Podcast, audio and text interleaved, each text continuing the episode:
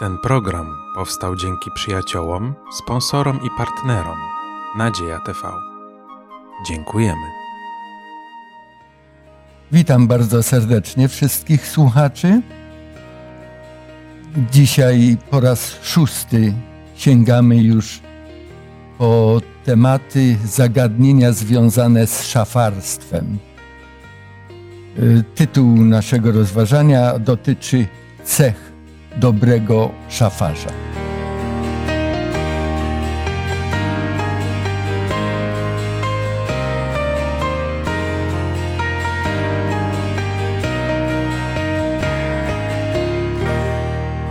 Ja mam na imię Władysław. Wraz ze mną w tym rozważaniu wezmą udział. Halina. Mariusz, Julian. Chcemy jak wszystko, wtedy gdy sięgamy po Słowo Boże, zaczyna się tak i tym razem poprosić Boga o błogosławieństwo dla nas i dla tego rozważania. Święty Boże i Panie, przed nami czas studiowania Słowa Twojego, które posiadamy i które będziemy rozważać. Ty bądź przewodnikiem w naszych myślach, aby to, co spisałeś, abyśmy rozumieli i daj nam takie myśli, abyśmy to tak przekazali, abym, abyś w tym był wywyższony, uwielbiony, a to, co przekazywałeś poprzez to słowo, aby było dla nas zrozumiałe. Prosimy o to w imieniu Pana Jezusa i w mocy Ducha Świętego. Amen. Amen. Amen. Cechy dobrego szafarza. Tekst wiodący w naszym rozważaniu y, zaczerpnięty jest z pierwszego listu do Koryntian, rozdział czwarty, pierwsze dwa teksty. Przeczytam je. Tak niechaj każdy myśli o nas, jako o sługach Chrystusowych i o szafarzach tajemnic Bożych. A od szafarzy tego się właśnie wymaga, żeby każdy okazał się wiernym. Patrząc tylko na te wstępne myśli, pierwszy tekst, jakie dwie myśli tutaj zostały przez Pawła wyakcentowane dosyć mocno, na które warto zwrócić teraz uwagę. Apostoł Paweł mówi: Tak, niechaj każdy Mhm. myśli o Was. E, Te słowa sprawiły, że się nad nimi dosyć długo zatrzymałem, kiedy czytałem, bo e, zwróćmy uwagę, my nie możemy komuś kazać w określony sposób o nas myśleć. Mhm. Tego się nie da zrobić. E, Ludzie myślą o nas to, co myślą. Mhm. Natomiast Paweł w tym liście nie nakazuje innym myśleć o nim w określony sposób, ale tak naprawdę daje nam taką dobrą radę, żebyśmy byli na tyle transparentni, żebyśmy byli na tyle przejrzyści w swoim zachowaniu i na tyle godni zaufania, żeby ludzie w taki sposób o nas myśleli. Więcej tu jest powiedziane, niech tak każdy myśli, a więc mamy do czynienia z e, różnymi warunkami, w których życiu się znajdujemy, ale jesteśmy tacy sami przed każdym człowiekiem. W każdej Dziękuję sytuacji. bardzo. A więc pewna kontynuacja zachowania, które budzi właśnie tego typu skojarzenia u ludzi, którzy nas znają. A więc jest to naprawdę wielkie wyzwanie, bo, bo nie mówimy o pozorach, tylko mówimy o czymś takim. Bardzo prawdziwym. ważna myśl na samym początku. Y, Jeszcze inne może, które warto wyłuskać. Tutaj jest wspomniane o szafarzach tajemnic Bożych. W całym tym kwartale mówimy o różnych rzeczach, którymi szafujemy. I między innymi Bóg powierzył nam swoje tajemnice. I my mamy też tym dobrze zarządzać. I ważna jest ta myśl. Od szafarzy się tego właśnie oczekuje, żeby każdy się okazał wiernym. Mhm. A więc we wszystkim, co Bóg nam powierzył, mamy być wierni. Powierzył nam zdrowie, Mamy być wierni w tym i dobrze dbać o to. Powierzył nam jakieś fundusze, powierzył nam tajemnice, powierzył nam rodzinę i we wszystkim oczekuje, że będziemy wierni. Mhm. E, Tutaj taka myśl jeszcze, tak niech każdy myśli o was jako o kim? O sługach. Sługach Chrystusowych.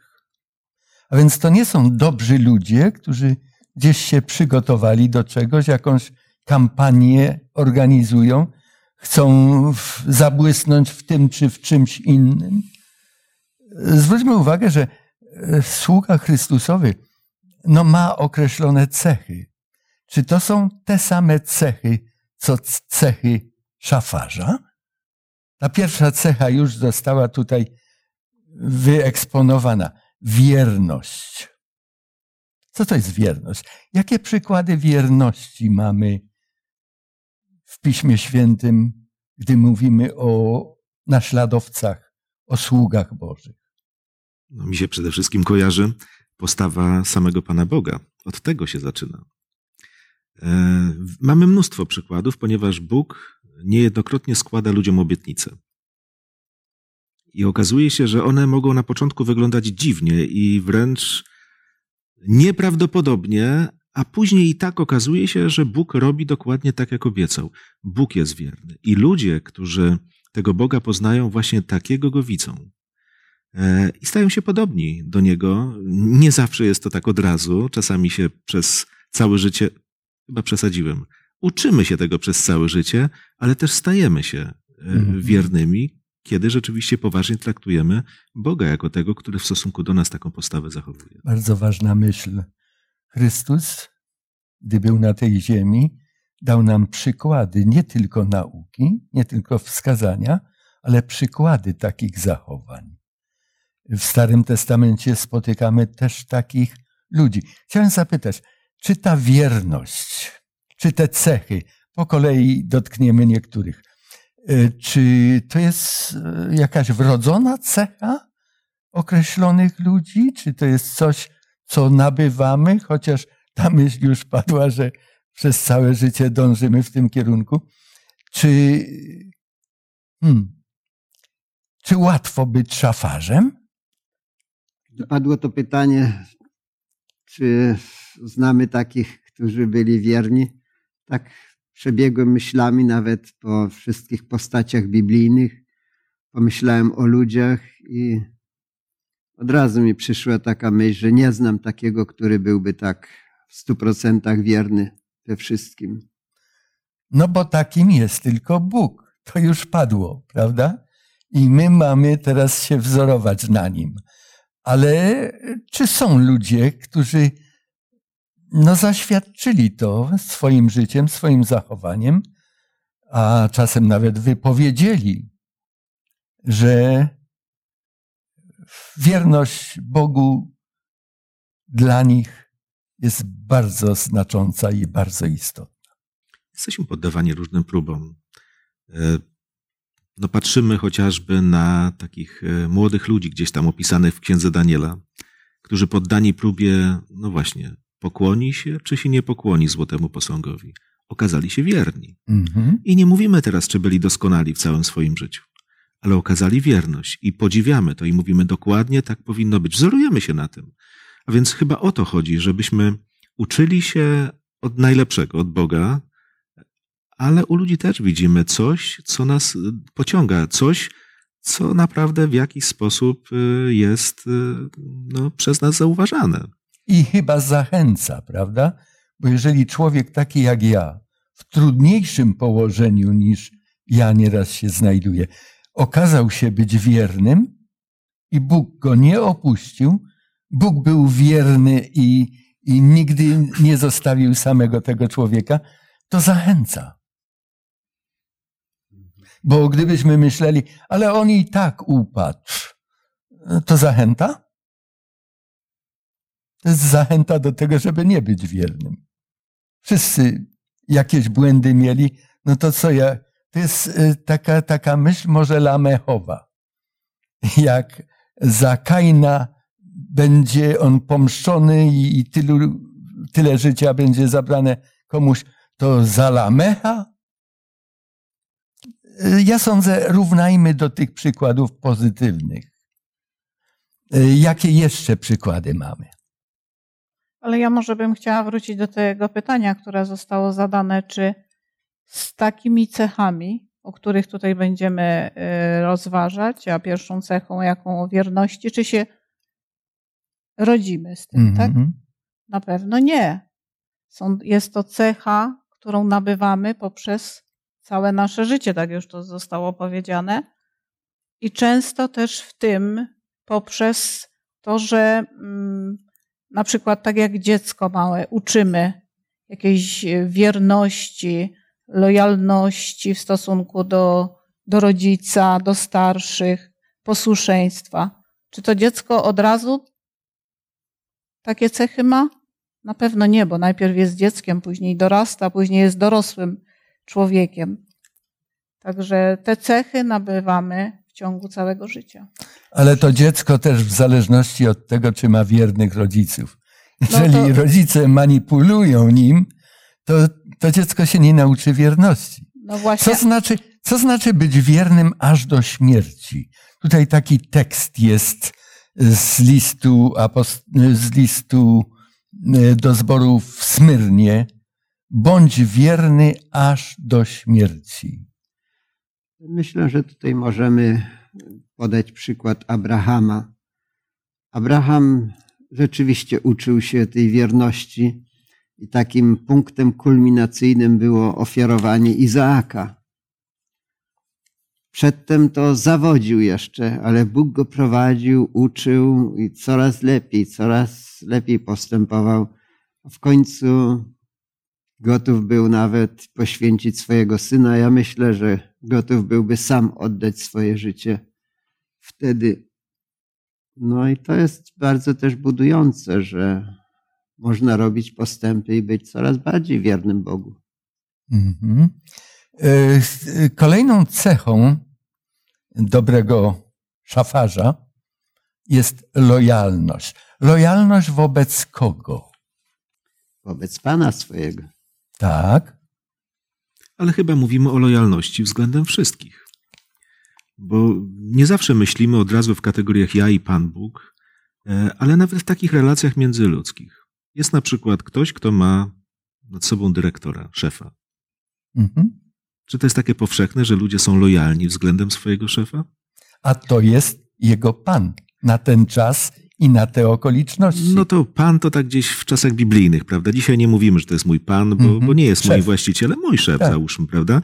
I to jest też naprawdę cecha niezwykle pożądana, żeby budować na przykład jego autorytet, żeby pod jego nieobecność albo pod jego nieświadomość nie ryć pod nim, żeby być, no właśnie, lojalnym. Mm -hmm. Niezwykle ważna cecha kogoś, kto rzeczywiście chce budować coś, no wykorzystywać jakby czas swój na tej ziemi. Jest taki tekst w naszym rozważaniu z pierwszej księgi Kronik, 28 rozdział i wiersz 9.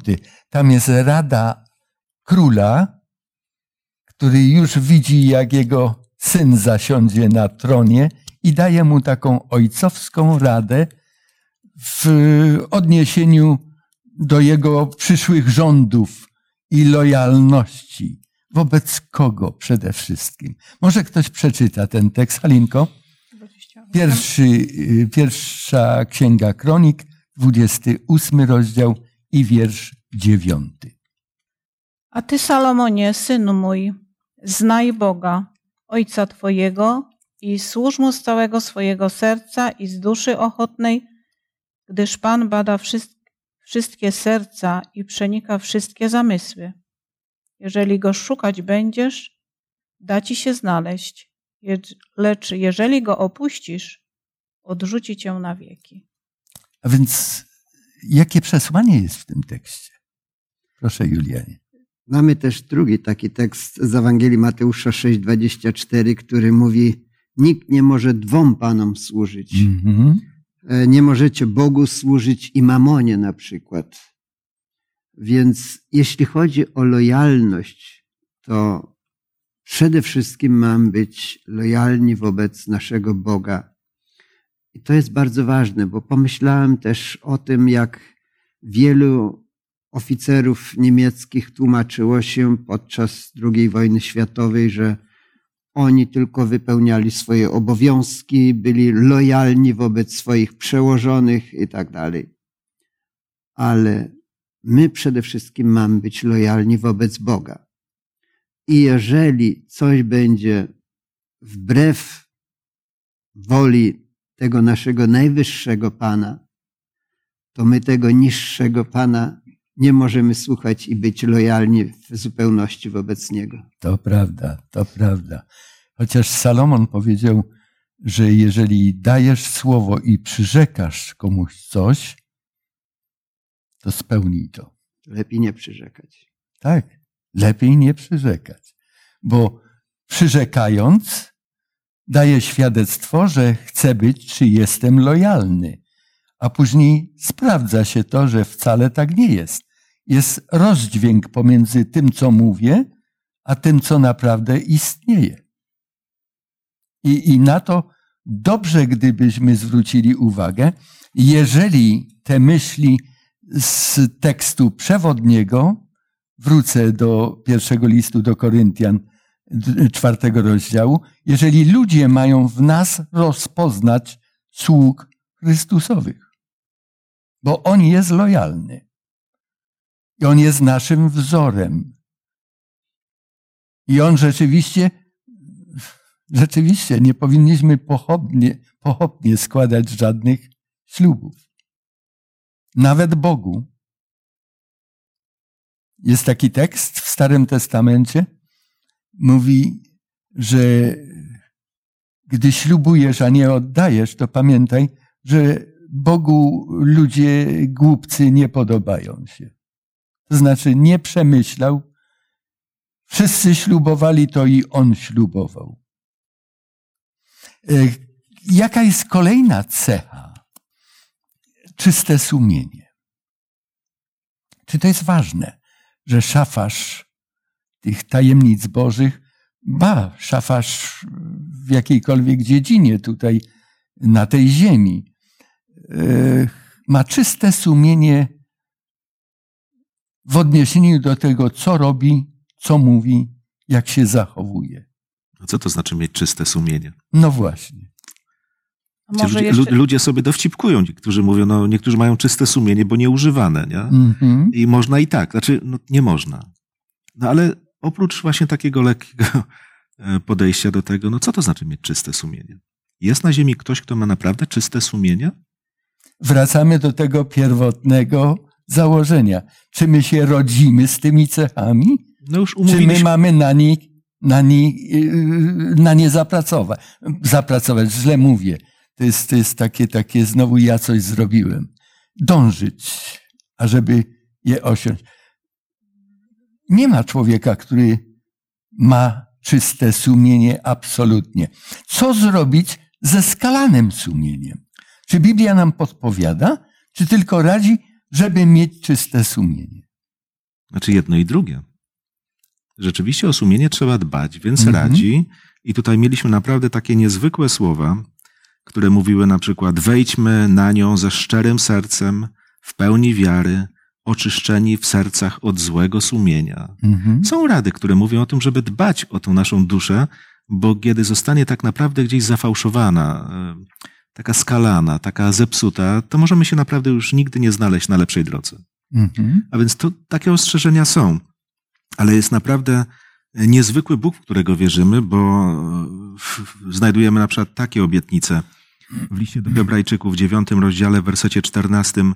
O ileż bardziej krew Chrystusa, który przez Ducha Świętego, e, Ducha Wiecznego ofiarował samego siebie bez skazy Bogu, oczyści sumienie nasze od martwych uczynków, abyśmy mogli służyć Bogu żywemu. Czyli jest sposób. na Czyli to. jest sposób na czyste sumienie. Mhm. Nie o to chodzi, że od urodzenia i na całe życie, ale Bóg może naprawdę wszystko naprawić. I o to właśnie chodzi, żeby człowiek był naprawiony przez Pana Boga, łącznie z sumieniem, czyli mówimy o takim wewnętrznym jakimś e, przepracowaniu e, człowieka przez Boga. Czy wtedy, gdy sumienie już nas karci, Warto wobec tego zmyślać różne alibi, dlaczego to się stało, wspólników, tych, którzy spowodowali, gdyby nie sąsiad, gdyby nie żona, gdyby nie mąż, to byłoby inaczej. Czy nie lepiej przyjść do Chrystusa i wyznać swoje winy? Bóg nie ma nic przeciwko temu, że my zgrzeszymy. Tylko gdy nie korzystamy z Jego rad, aby się pozbyć grzechu, według Jego sposobu, a tym sposobem jest tylko to, czego dokonał Chrystus na krzyżu. Krew Chrystusowa nas z tego skalanego sumienia uwalnia i znowu mamy e, czystą kartę. Możemy znowu rozpocząć. Julian, chciałeś. Ja myślę powiedzieć. o tym, że w nowoczesnych państwach demokratycznych gwarantuje się wolność sumienia i wyznania. I tak myślę, że kwestia sumienia jest taką wartością nadrzędną, nawet nad prawami, nawet nad państwowymi przepisami. E, są ludzie, którzy na przykład, e, jak Desmond Doss, uważają, że nie można iść i zabijać, nie weźmie karabinu na przykład do ręki i władze to uznają. Kiedy normalnie uważają, że trzeba kraju bronić i zdawałoby się, że to jest nadrzędne. Ale jeśli to nie jest zgodne z sumieniem czyimś, to to jest, byśmy powiedzieli, prawo nadrzędne. Więc jak ważne jest to sumienie. Ale ludzie mogą różne rzeczy wierzyć i, i mieć sumienia takie, że nie, nie wiem, e, mogą mieć różne pomysły, czasami błędne. I dlatego też jest ważne, żeby to nasze sumienie zgadzało się z prawem Bożym. To wtedy jest dobrze. Bo gdy ktoś powie, że no, ja nie mam sumienia, albo moje sumienie mnie nie karci, jeśli ja e, będę, nie wiem, kradł, bo potrzebuję tam dla rodziny. No i to jest zgodne z moim sumieniem. No to inni tego nie uznają. Przeczytajmy Więc może ważne kilka... jest, żeby to było zgodne z prawem Bożym, tak jak Bóg dał to sumienie Adamowi, wpisał przepisy do jego serca i gdybyśmy się tego trzymali, to powinniśmy iść zgodnie z naszym sumieniem. Przeczytajmy może na ten temat właśnie niektóre teksty. Trzy osoby poproszę, aby z różnych miejsc przeczytały. Pierwszy list Jana, piąty rozdział, wiersz drugi i trzeci. Mariusza poproszę. E, Juliana, list do Rzymian, pierwszy rozdział i piąty wiersz. I Halinko, ciebie poproszę z dziesiątego rozdziału listu do Rzymian, teksty szesnasty i siedemnasty. Po tym poznajemy, iż dzieci Boże miłujemy, jeżeli Boga miłujemy i przykazania Jego spełniamy. Na tym bowiem polega miłość ku Bogu, że się przestrzega przykazań Jego, a przykazania Jego nie są uciążliwe. Właśnie miłość, która jest sercem posłuszeństwa, sercem relacji między człowiekiem a Bogiem, ona nas prowadzi do posłuszeństwa, do przestrzegania woli tego, komu jesteśmy lojalni, chcemy być mu wierni. Przeczytajmy kolejny tekst, Julianie.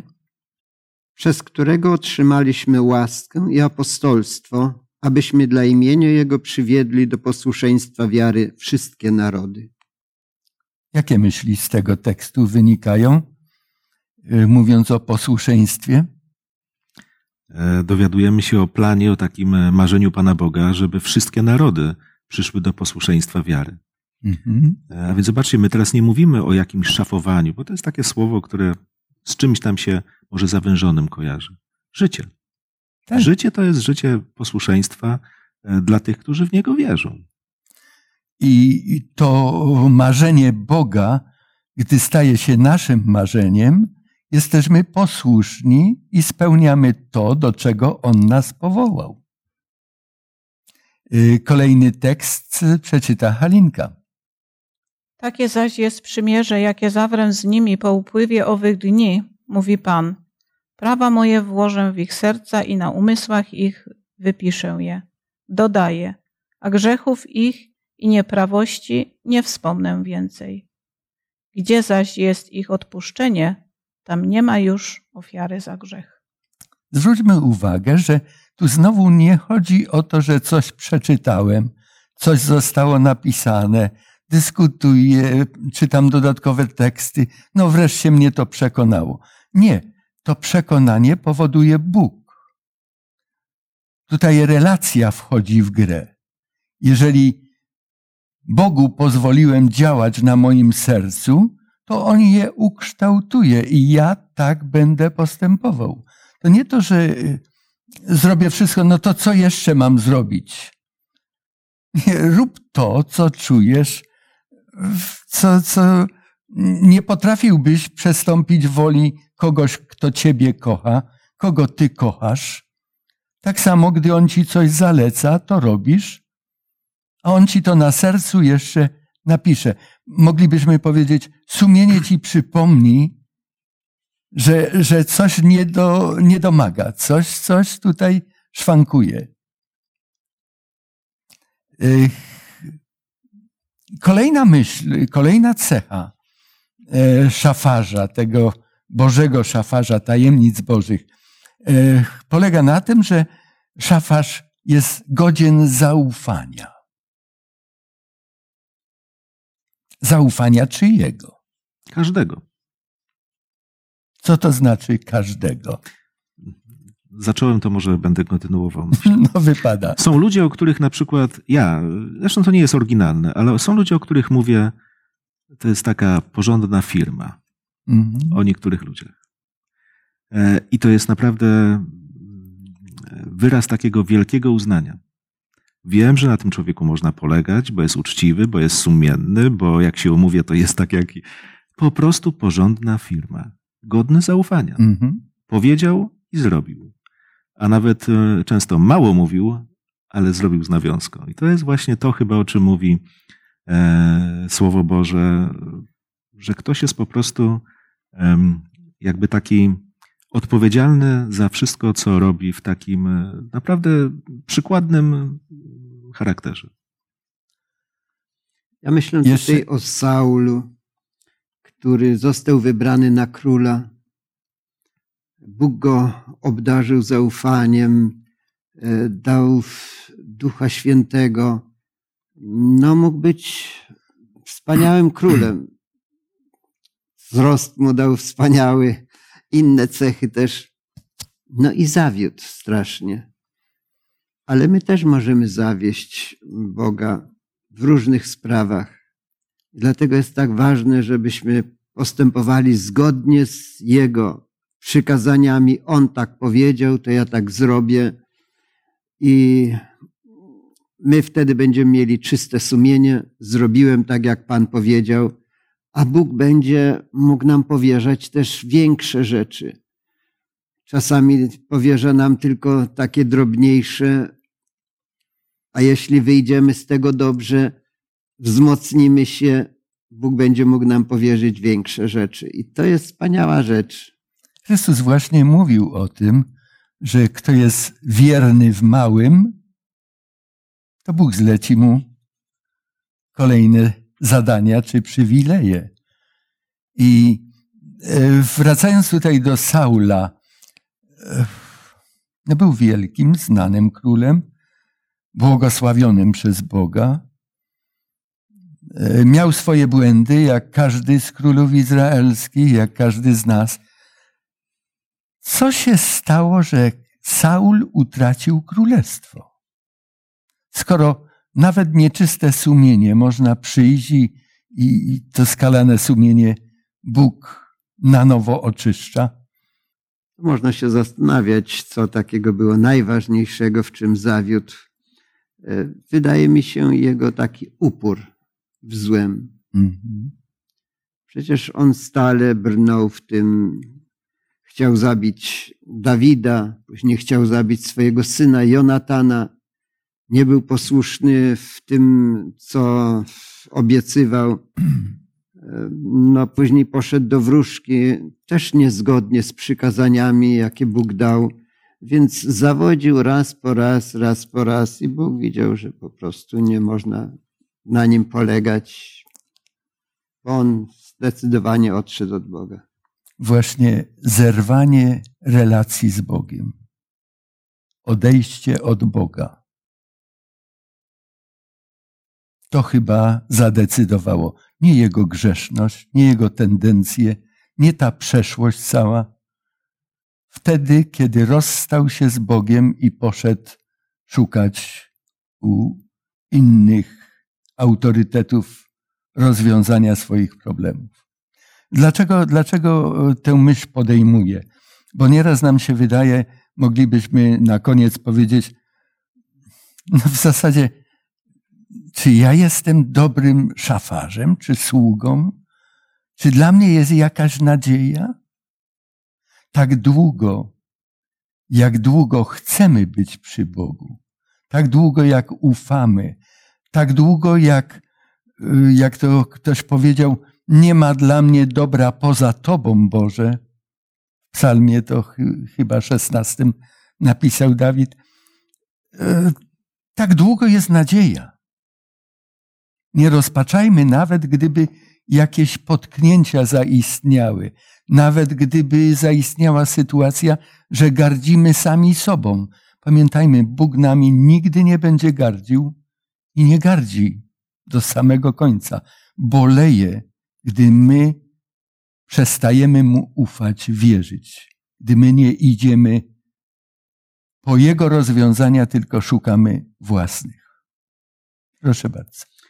Podoba mi się uwaga taka na końcu, która jest w naszym studium lekcji. E, wydaje mi się, że to jest sedno całego zagadnienia szafarstwa. Zapamiętajmy dobrze, że to, co zostało nam powierzone, byśmy tym gospodarowali, nie jest naszą własnością. Gdyby nią było, moglibyśmy o tym decydować i przenosić odpowiedzialność na innych, a wraz z nią nasze szafarstwo, ale to nie jest możliwe, bo Pan każdego z osobna powołał jako swego szafarza. Ale zwłaszcza to zdanie, zapamiętajmy dobrze, że to, co zostało nam powierzone, byśmy tym gospodarowali, nie jest naszą własnością, żebyśmy stale czuli się, ja jestem odpowiedzialny Panem za to jak wykorzystuję dary, które mi dał, talenty, jakie mam, dobra materialne, nie są moje. Powierzone mi zostały na czas mojego życia i Pan zapyta, jak tym gospodarowałem. Ellen White pisze też, że najbardziej skrupulatnie będzie nas rozliczał z czasu, który też nam dał. Jak my gospodarujemy czasem. Tak więc to też nie jest nasze. Czas nie jest nasz. Ograniczony Bóg dał nam ileś tam lat i zapyta, My mamy w kwartale rozłożone te wszystkie wartości i, i, sposoby szafowania różnymi y, darami. Y, ja chciałem jeszcze taką myśl poruszyć.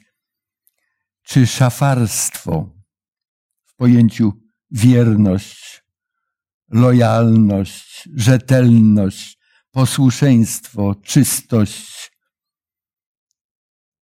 jest równoznaczne za podjęcie, z podjęciem, jak to Chrystus powiedział, własnego krzyża i naśladowanie Chrystusa?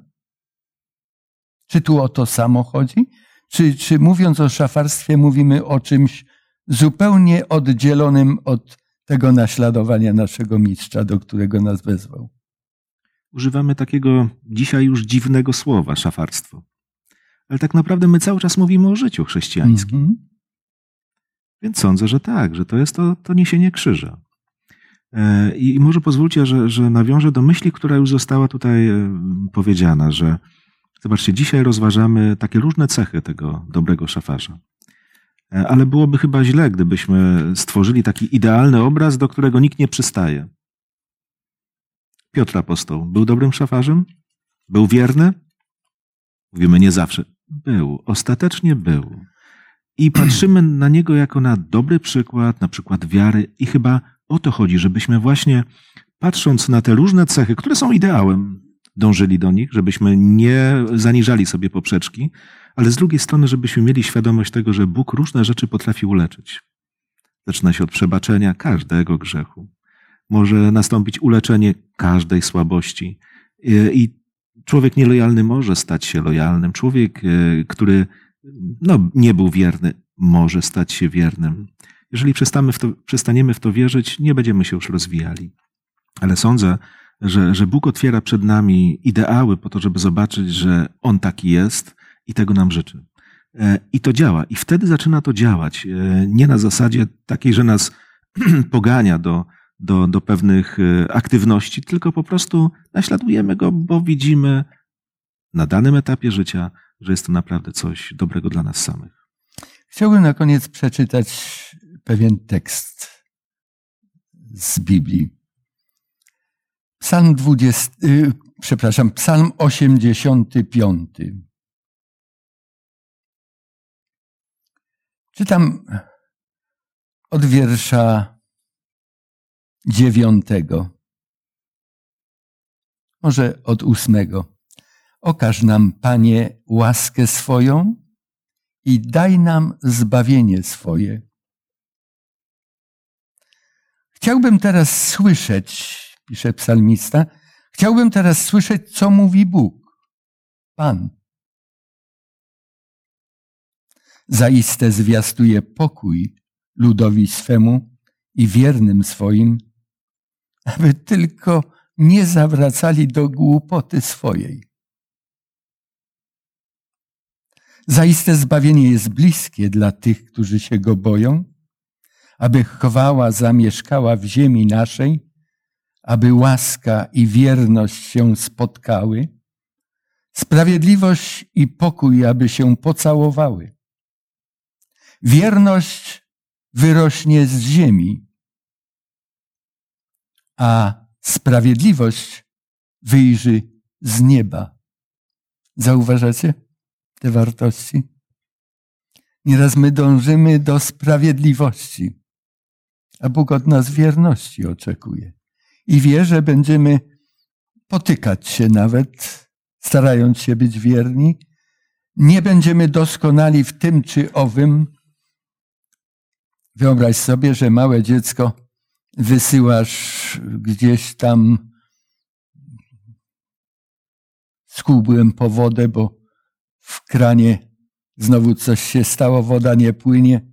To dziecko idzie na ulicę, jeszcze w niektórych miejscach są takie pompy, ma kłopot z nabraniem tej wody, rozlewa tę wodę, niesie, przyniosło, przyniosło pół kubka, bo jeszcze po drodze się wywróciło i wylało się coś. Czy to dziecko jest wierne? Niektórzy by chcieli je skarcić. Ale mądry rodzic powie: Dziękuję Ci bardzo. Zrobiłeś wszystko, co mogłeś na ten czas, na ten wiek, na te okoliczności. Niechby Bóg spowodował, że mimo naszych niedociągnięć, ludzie, którzy patrzą na nasze życie chrześcijańskie, na nas, mogli zauważyć, że jesteśmy sługami Chrystusa. Tego tak bardzo pragnę dla siebie. Ja sądzę, my wszyscy. I słuchacze nasi zapewne też. Wierność wyrośnie z ziemi. To jest cudowna obietnica. Ale jeszcze wspanialsza jest ta, że sprawiedliwość wyjrzy z nieba i te się spotkają. Niech Bóg nam pomoże, abyśmy żyli dla Jego chwały. Zapraszam bardzo serdecznie Was, drodzy, na siódme rozważanie już w tym kwartale, które będzie traktowało o uczciwości. Uczciwości wobec Boga. A teraz chcemy zakończyć nasze rozważanie. Dziękuję Wam serdecznie za to, że mogliśmy podzielić się myślami, które wypływają ze Słowa Bożego. Pomódlmy się. Julianie, proszę o to. Kochany nasz Ojcze, dziękujemy Ci za to, że nam objawiłeś w Słowie Twoim, czego Ty od nas oczekujesz i że obiecujesz, że będziesz przy nas, że będziesz nas wspierał, że będziesz nam pomagał, tak żebyśmy starali się z Twoją pomocą czynić to, co najlepsze. Pomóż nam w tym, żebyśmy byli wierni Tobie, żebyśmy dobrze szafowali tym, co nam powierzyłeś w tym życiu, żebyśmy mieli czyste, spokojne sumienia i żebyśmy się przyczyniali do chwały Twojego imienia. W imieniu Jezusa o to prosimy. Amen. Amen. Jeszcze raz bardzo serdecznie zapraszam Was, drodzy słuchacze, Wy, którzy uczestniczyliście w naszym rozważaniu, na podobne spotkanie za tydzień.